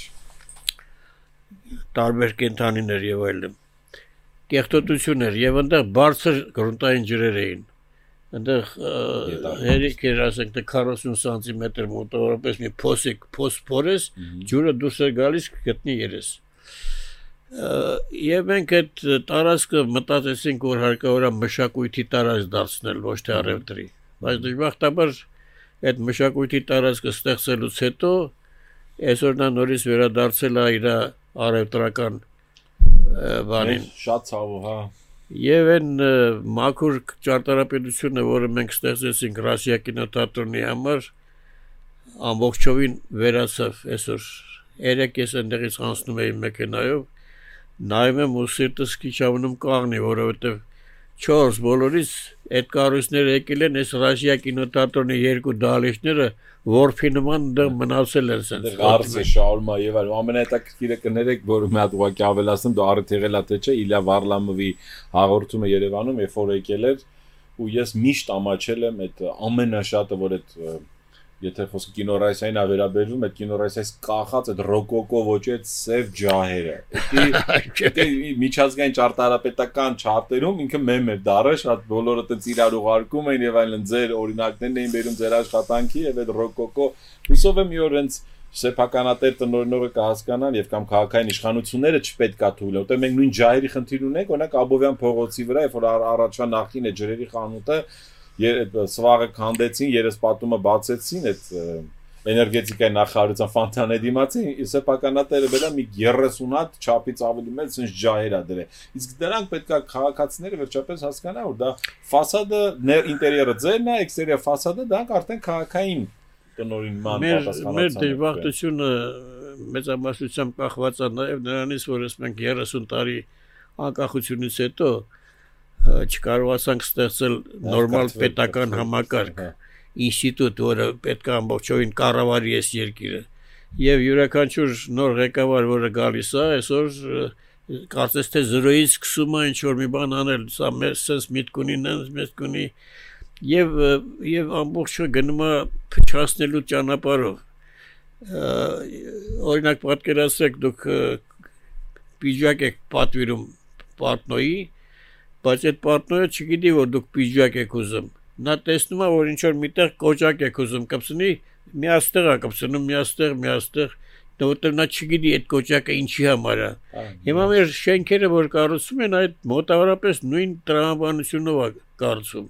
ուղղակի կառուցում է շենք որտեղ մի փոքր ազատ տարածություն է գտնվել ինչ որ մեկը գնել է այդ տարածությունը եւ հիմա անպայման ստիպում այնտեղ շենք կառուցել այդ 30 տարին երևի քիչ է, սովետական երկիրը տևեց 70 տարի մոտավորապես։ Մենք արդեն կեսի չափ համարյա անցել ենք։ Եվ չենք կարող ասել մինչև օրս ստեղծել այդ համակարգը կուր համակարգ մի հատ, որը կապ չունի ղեկավարի տեսքից, ես գիտեմ նրա ազգանունից եւ այլ։ Ղեկավարները գալիս են 4 տարով գնում են, մյուս ղեկավարն է գալի, բայց համակարգը պետք է աշխատի առանց այդ ղեկավարի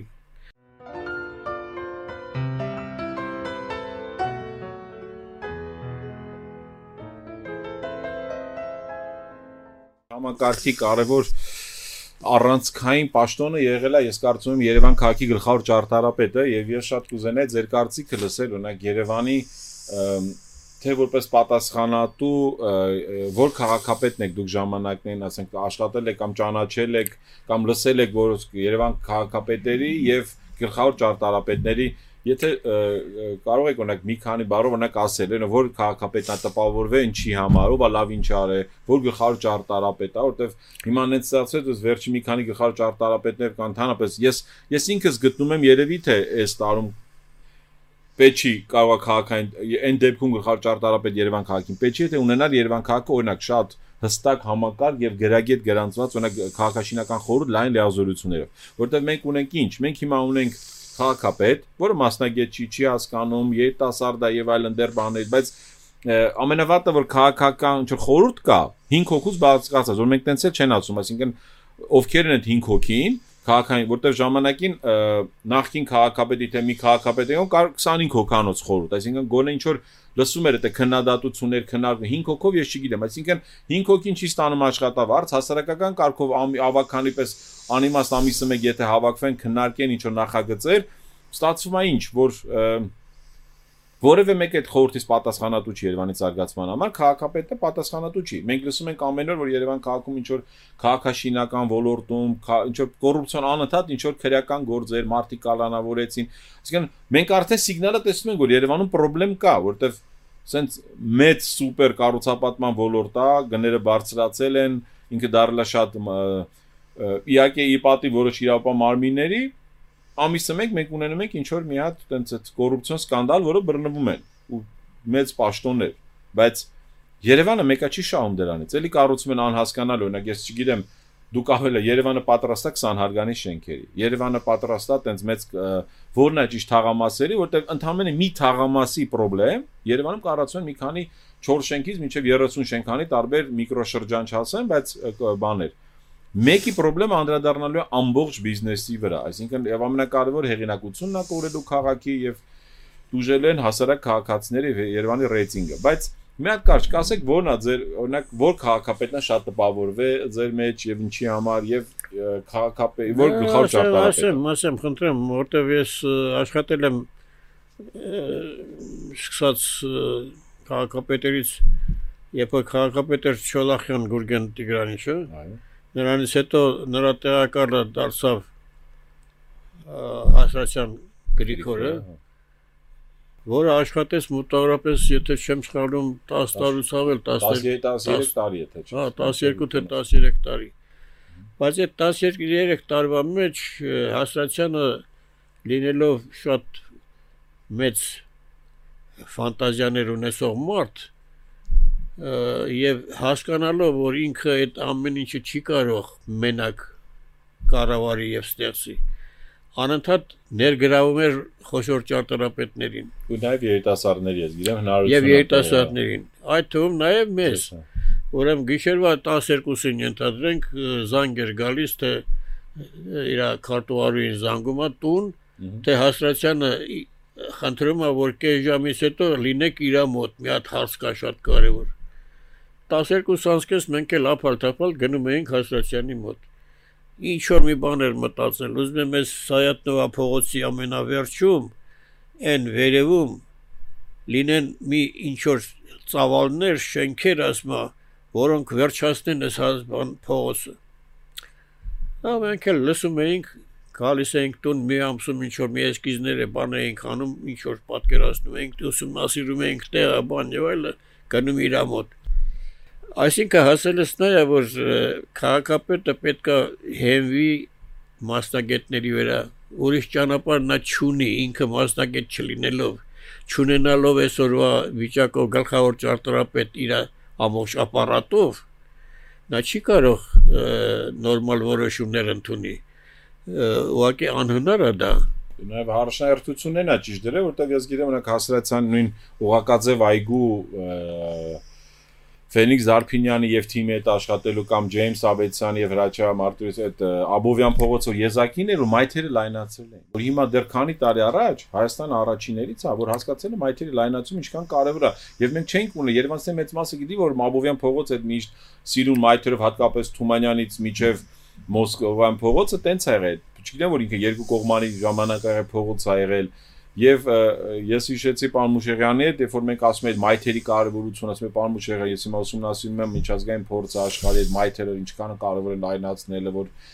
սխալ ճանապարհով չգնանք փողոցները լայնացնենք եւ այլն տրանսպորտին հեծանիվն է պետք եւ այլն հեծանվողները ինքը ասեց հիշում ասեց Վիկտոր երևի դու ծանոթ ես որ առաջին փողոցներից մենք ենք փակ փողոց արել սովետական միություն ես չգիտեի Գյումրիի օրինակը իրոք փողոցի ֆանտաստիկ հետաքրքիր է ես իրոք ինձ միշտ մտածել եմ որ բարձրը դա իրոք սովետական ժամանակվա քաղաքներից ամենաառաջին այդ ժամանակ ավելի շատ էինք հասկանում ժամանակ Մոշերյան Գուրգենը գլխավոր ճարտարապետն էր Գյումրիի եւ Հասրացյանն էլ քաղաքապետն էր Եվ եւ Հասրացյանը երբ որ դարավ Գյումրիի քաղաքապետ, ես ուղղակի հիշեցի այդ նրա կերպարը որպես Գյումրիի քաղաքապետ եւ մտածում եմ այսօր պատմեմ, որովհետև շատ կարևոր բան է մարդու տեսակը էլի։ Ինչ եք հիշում, օրինակ Գրիգոր Յովանիչից, Հասարացյանից, ինչ հետաքրիր բաներ կամ Էլ ինչ հետագ իդեաներ ուներ որ չեն արել։ Օրինակ ես այդ որ ասեցիք Սայետնովան, ես մի անգամից պատկերացրեցի, որ իրոք, երբ որ գնում ես Սայետնով առաջ այդ Լերմոնտով փողոցը գնում դեպի Չարենց, չէ, այդ Այգեստան, ինքը դեպի այդ Ծելևիշկան, ինքը իր երևում է որ ինքը ինչ որ մի բան անավարտ է, ինքը հասկացել է որտեղ անավարտ է, ափսոս դեռ արդեն սեփական այդ նո հետագայում մենք այս տարածքը օգտագործեցինք, այսինքն մենք չէ, ամերիկյան համալսարանը ուզում էր կառուցել ստեղ մի մեծ կամպուս, ասենց ասած։ Այդ դոշին, հա, այսինքն նորքի այդ այգիների մասով հերոստատեսային աշտարակի տակը, ընդ որտեղ հիմա ռազմական ակադեմիան է։ Եվ այդ տարածքը վերցրեցին Ամերիկայի ամերիկան համալսարանը վերցրեց եւ մեզ պատվիրեցին այդպեսի մի նախագիծ եւ մենք ստեղծեցինք մի մեծ խումբ որի մեջ մտնում էին նո բացի ինձանից Ջիմ Թորոսյան, Ռոմեն Ջոլակյան,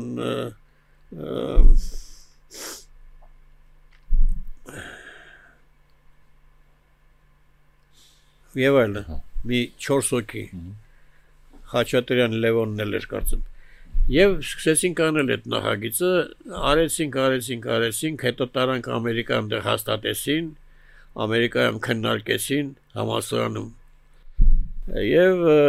այնայնա պետք է սկսենք աշխատանքային գծագրեր անել։ Նույն ժամանակներ արդեն սկսեց այս պատերազմական վիճակներ եւ Վազգեն Սարգսյան այդ տարածք ուղակի վերցրեց եւ այնտեղ ստեղծեց այդ զինվորական ակադեմիան։ Այնպես որ ամերիկյան համալսարանն էլ ձեր քաշեց արդեն այդ նախագծից։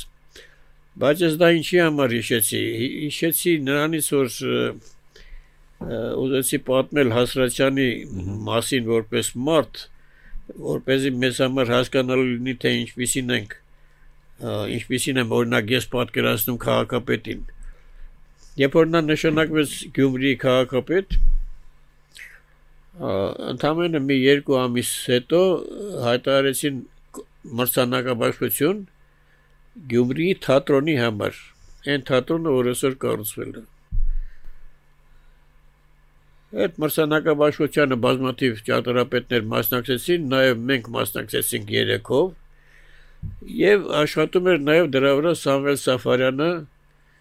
Մարտին Միքայելյանի հետ միասին։ Հետո այնտեղ տարան Գյումրիում կախեցինք ցուցահանդես բանդես դեն, պետք մի, երկու օր հետո պետք է արդեն քննարկում լիներ։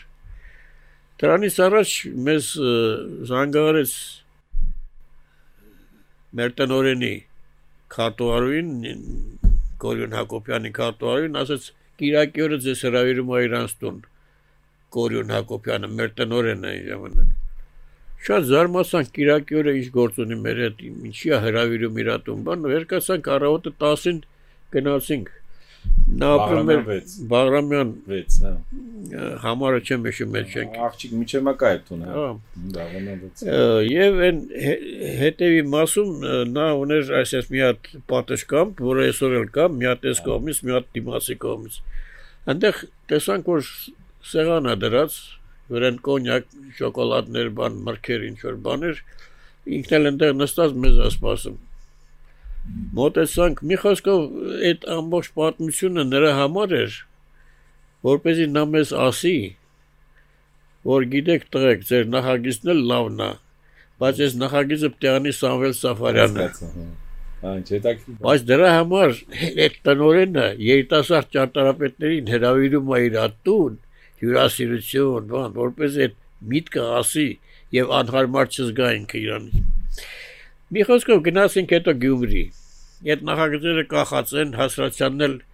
նստած սեղանի գլխին, դահլիճ էր մի հատ փոքր։ Նախագծի հեղինակները պատում են իրանց արածի մասին, ինչ որ էքսպերտներ են բանեն։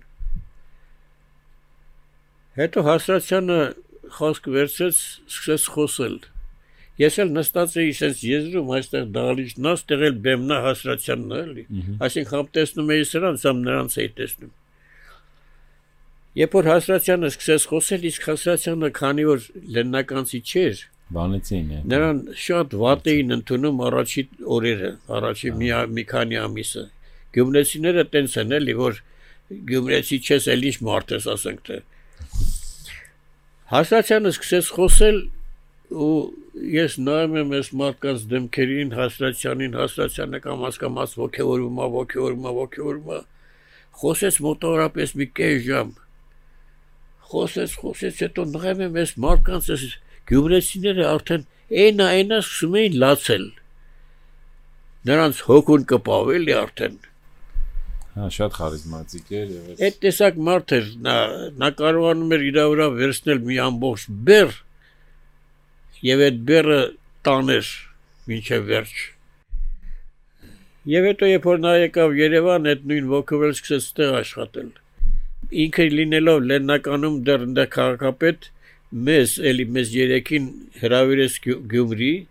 տարավ ցույց տվեց են Երանոսյանների մի հատ տուն կա այնտեղ, որը պետքա դարձնենք սրճարան, այդ նախագիծով sense կանեք, sense կանեք, sense կանեք։ Մենք էլ արեցինք տարանք այնտեղ մի ամիս աշխատեցինք։ Եվ ինչ վերաբերում է Երևանի ճարտարապետությանը, ես ուղղակի մի բան ուզում եմ ասել, որը շատ կարևոր այմ համար, դա Երևանի կերպարն է։ Գիտեք, Երևանը իմ տարիներին, երբ որ ես հիշում եմ դեռ այն ժամանակ, երբ որ նոր ընդունվել էի ավարտել էի ճարտարապետական համալսարանը եւ սկսել էի աշխատել լրիվ ուրիշ քաղաք էր լրիվ մեծամասնությունը երկհարկանի տներ էին որոնցից մոտավորապես ասենք թե 20%-ը սև քարից շենքերն էին մնացածը այդ չմշակված աղյուսից տներն էին մի հարկանի, մեկ ու կես հարկանի բան եւ այլն բոլորը հարթ կտուրներով անպայման հարթ կտուր այն ժամանակ կտուրները հարթ էին անում եւ ամեն տան կտուրին դրած էր մի sense մոտ մի մետրանոց 30 սանտիմետր ասենք հաստությամբ կլոր բազալտի քար բոլոր տների կտուրներում դա կար այդ նրա համար էր որ ասենք թե անձրևից բանից հետո այդ քարը գնում էր այդ տանտերը գլորում էր կտուրի վրա որպեսի վերացնի կատոցը ամրացնի էլի չնայած գիդրոիզոլյացիա չկար, բան չկար, բայց այդ կավը ինքը ջուրը պահում էր։ Եվ այդ կերպարը ցածրարկ շինարարության շենքերի ցածրարկ լինելը եւ այդ հարթ կտուրների ամբողջ տարածքը կոնդից սկսած մինչեւ ասենք այն մասերը որտեղ մի մասը ադրբեջանցիներ էին ապրում, չէ՞, Գեդարի ափին ուրիշ կերպար էր լրիվ։ Այն ժամանակ էս կասկադն էլ չկար դեռ 54 թվին կարծեմ սկսեցին կառուցել ընդեղ այդ շենքերը։ եւ այդ փողոցով Մոսկովյան փողոցը չկար, բայց երբ որ մենք ընդերից անցնում էինք, այն կողմից նես քամի էր գալիս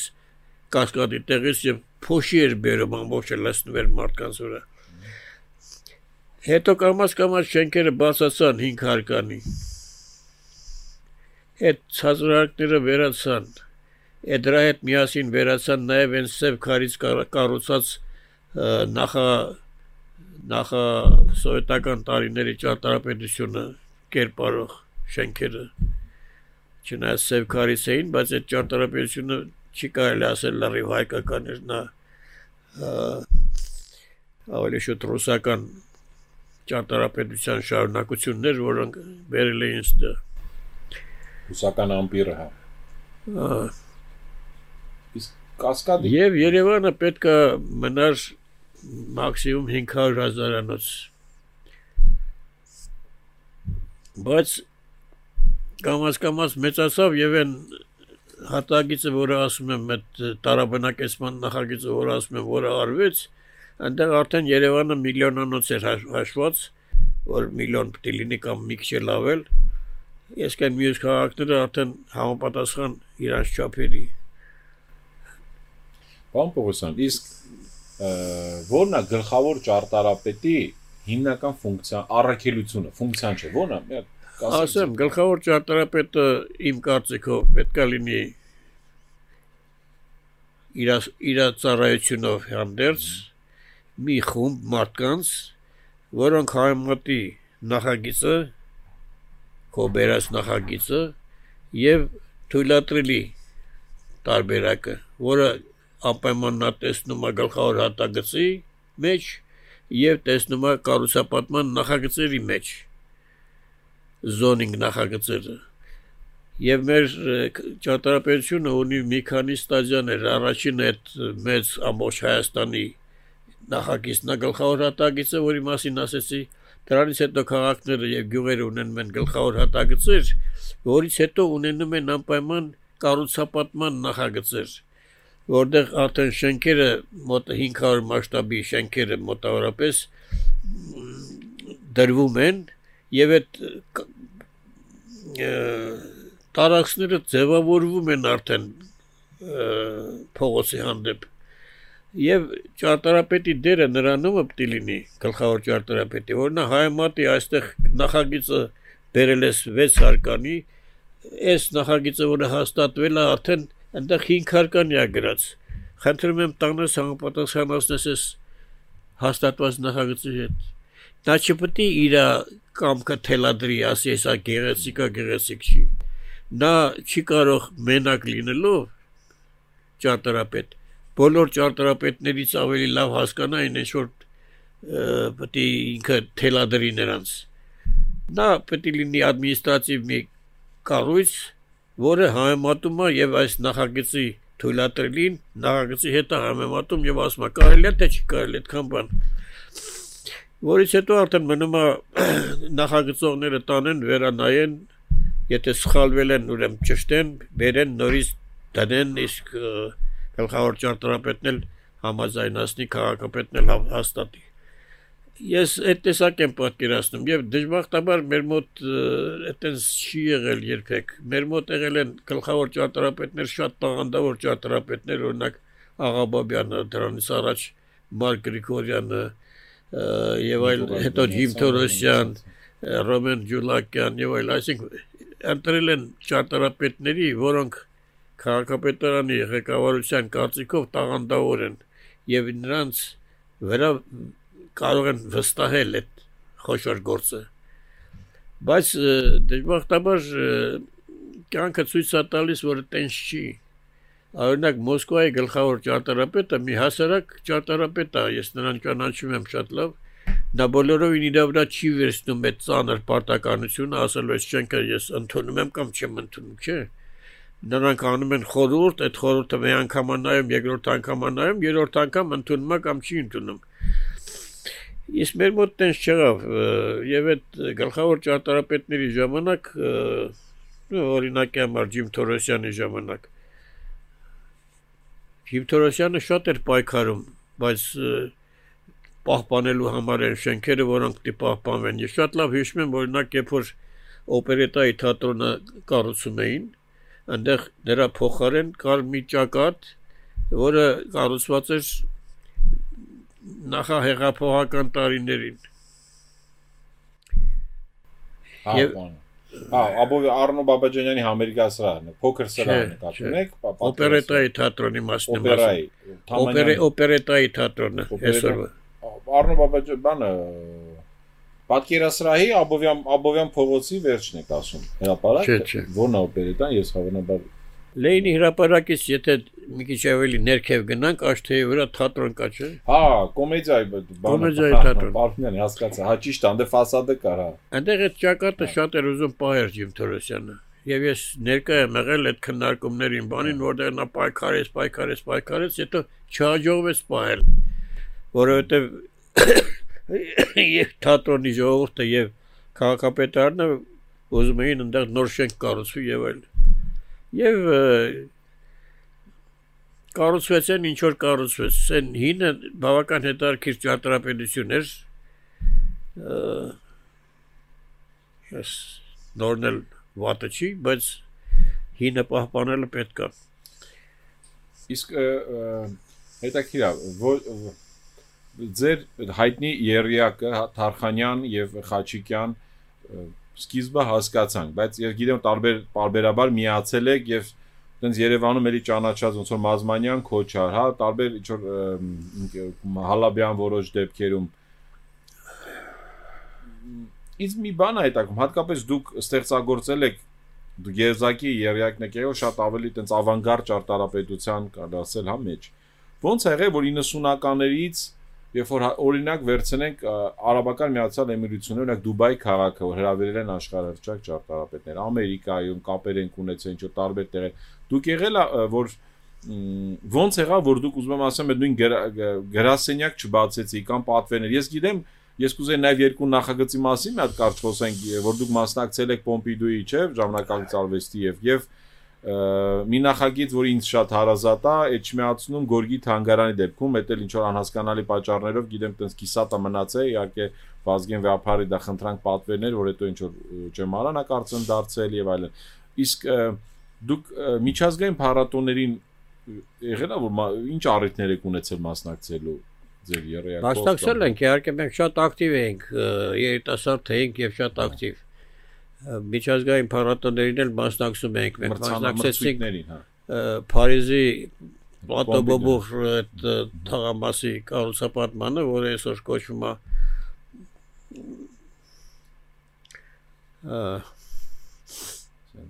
մի խոսքով Պլատոբոբուրի այդ թանգարանը, որը այսօր մոռացա ոնց է կոչվում Եվ մասնակցեցինք նաև Ted Defense մի շենքի նախագծման մարսանակավաճկությանը երկու դեպքում էլ ոչ մի պրեմիա չստացանք, բայց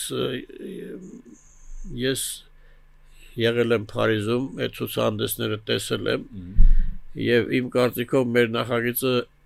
լավագույններից էր համեն դեպս բայց նախագծի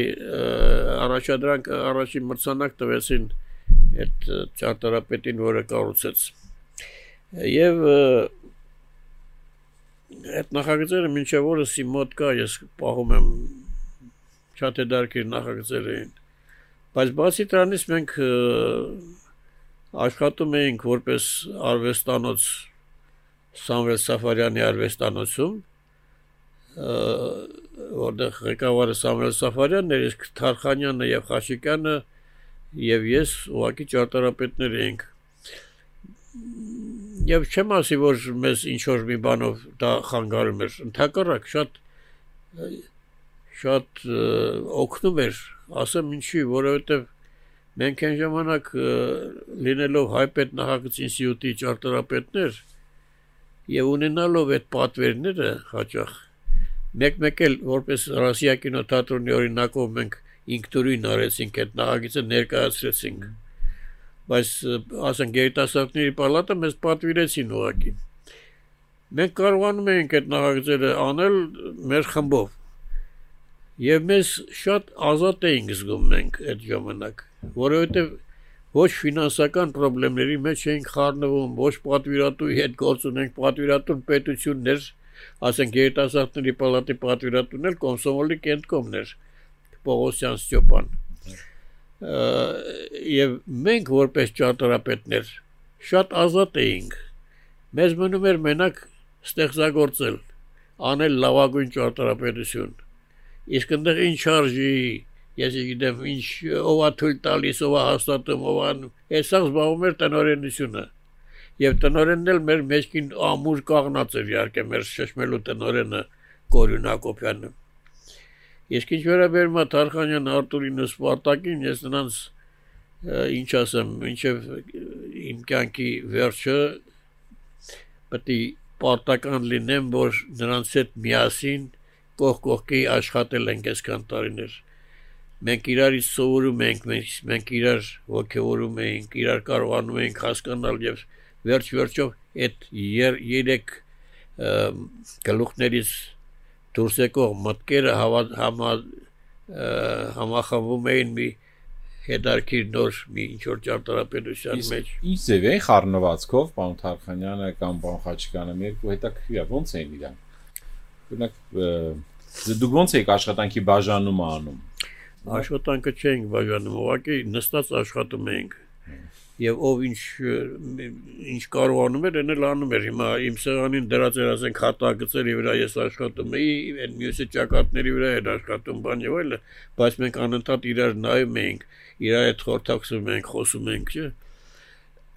Ես դե ասեմ, որ մեր մեջ, չգիտեմ, ոնց որ ստեղծվեց, որ այդ միասին աշխատելու վատ կողմերից մենք դուրս պրծանք էլի մենք կարողացանք միասին աշխատել շատ բարդ բան է միջելոց ես գիտեմ շատ բարդ բան է շատ հետաքրքիր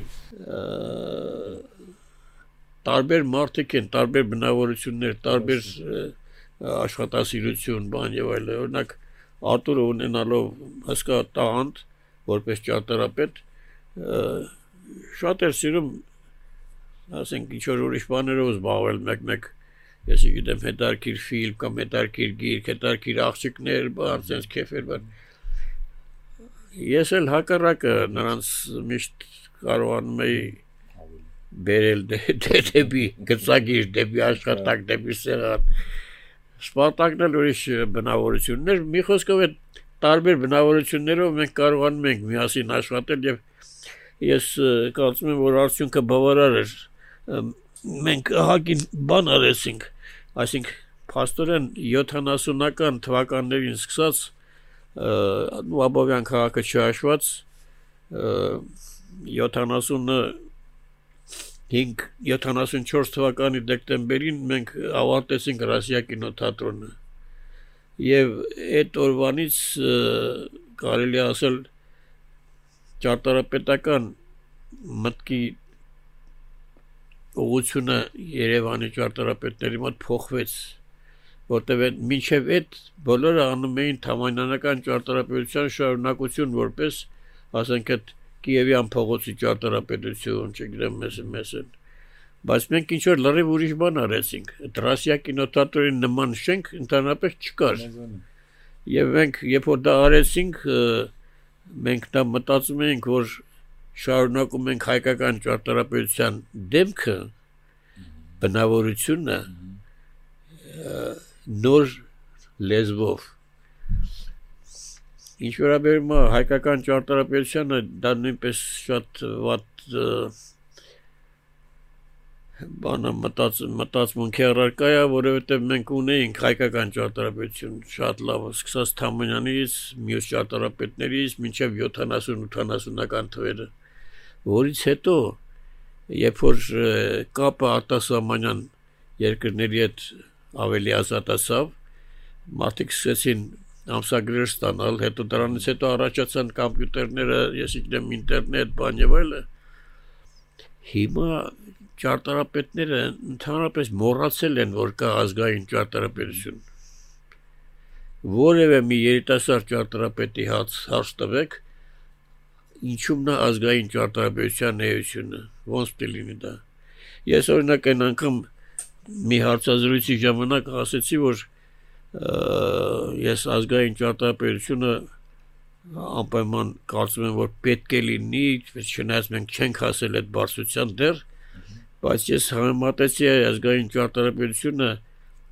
մարդու կերպարի հետ եւ ասացի որ մարդը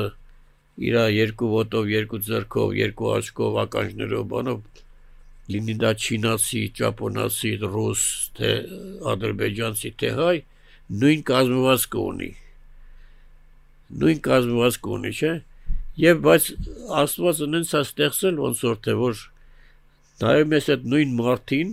բայց հային անպայման տարբերում ես չինացուց։ Չինացուն տարբերում ես ռուսից։ Եվ նայում ես արտակինից նույն աչքերը բան ամեն ինչ նույնն է, բայց նա չինացի է, դու ռուս ես։ Եվ տենց էլ պիլնի ճարտարապետության մեջ պետք է այնքան վարպետություն ունենա ճարտարապետը, որ անելով որևէ շենք կարողանա այնպես անի, որ նայողը տեսնի, ասի այսա հա, իսա Երևանի ճարտարապետությունն է։ Այ հենց դա եմ ուզում հարցնել։ Այդ ինչ տեղ ունի ճարտարապետի համար ինքնության մասը քաղաքի։ Օրինակ մենք խոսեցին Գյումրիից, օրինակ ցած լավ հասկանում ենք, ասենք հա Կումարին, Գյումրին, Ալեկպոլը, Լեննականը, իրանք այդ ինչ անունը փոխես, ինքը ինչ որ մի հատ ունի ինքնության մի մաս։ Դա օրինակ ոնց որ Գորիսն ունի, չէ՞, ասենք օրինակ այդ Բարքյաշ պատերը, այդ իրանց սվաղի, այդ իրանց պատշգամները, բայց Գյումրին իրան ունի, Երևանն իրան ունի, այդ շնորհիվ Ալեքսանդր Թամանյանի, Թորոմանյանի արած եւ Մարի մնացած սաղ տարբեր հա անից վերցրած ու զարգացած տարբեր ճարտարապետների, Մար Գրիգորյան եւ այլն, բայց ձեզ համար ինքնությունը քաղաքի, ո ինչու՞ մար, օրինակ ինձ համար այդ որ մենք վերադառնանք այդ ամենասկիզբը թաղերը, չէ՞, օրինակ ես ասում եմ համար Երևանի թաղերը դրանք ինքնության մաս են եւս կազմում։ Մեկը կասի խաղողի թարմանատ ինքնության մաս, մեկը ինչ որ իր հիշողությունից կամ իր թաղամասից։ Ձեզ համար որպես այդպես մասշտաբային ճարտարապետ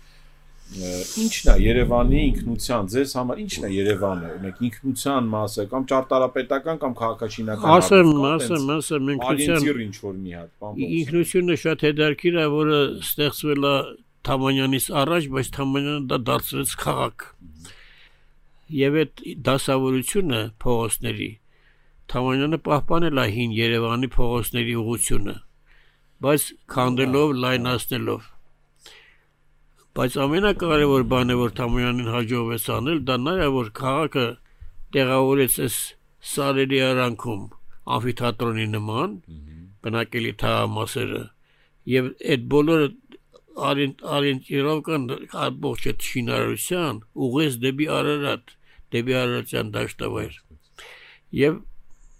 դրա համար էլ հիմա Երևանի ուզած անկյունին մենք եթե կաղնենք եւ նայենք դեպի Արարատ, տեսնենք Արարատը։ Դա շատ կարեւոր բան է։ Համայնապատկերից բան չմնաց։ Հա, նո համայնապատկերից չի մնացել, բայց եթե բարձր կետերում ենք կաղնում, այդ բոլորը տեսնում ենք եւ տեսնում ենք այն այլանդակ բարձր շինությունները մի քանի, որոնք խանգարում են Երևանի առանձնահատկությունը հենց դա է, այդ ամֆիթատրոնային իր կերպարը եւ ամբողջ իր դասավորությունը եւ ուղղվածությունը դեպի Արարատյան դաշտավայր։ Եվ այդ ճարտարապետները բոլորը այդ այդ մասին տեսնում էին, գիտեին եւ ուզում էին դա պահպանել, բայց կամած կամած հետ զետե ամեն մի ճարտարապետ մի փոքր փոքր փոքր փոքր կամած կամած փակվեցին են դալանը, որը արված էր պրոֆեսիան շենքերի շենքի հարաբարակի դիմաց համքի հայփոս հա այսօր նա փակվել է եւ հրապարակն էլ իր կերպարը կորցնվա որտեղ կողքերի շենքերը ավելի բարձր են քան դες հրապարակի շենքերը դե բախտաբար ես շատ չեմ ուզում ձեզ հոգնեցնեմ բայց եթե մեծ հոստակելի որ յուրգակ էլի շատ հարցեր կար կուզեին քննարկենք բայց մի հատ հարց ունեմ, որ դուք լիներով արդեն եւ նախկինում եւ սովետական դեռ ժամանակաշրջանում եւ թե 90-ականներից հետո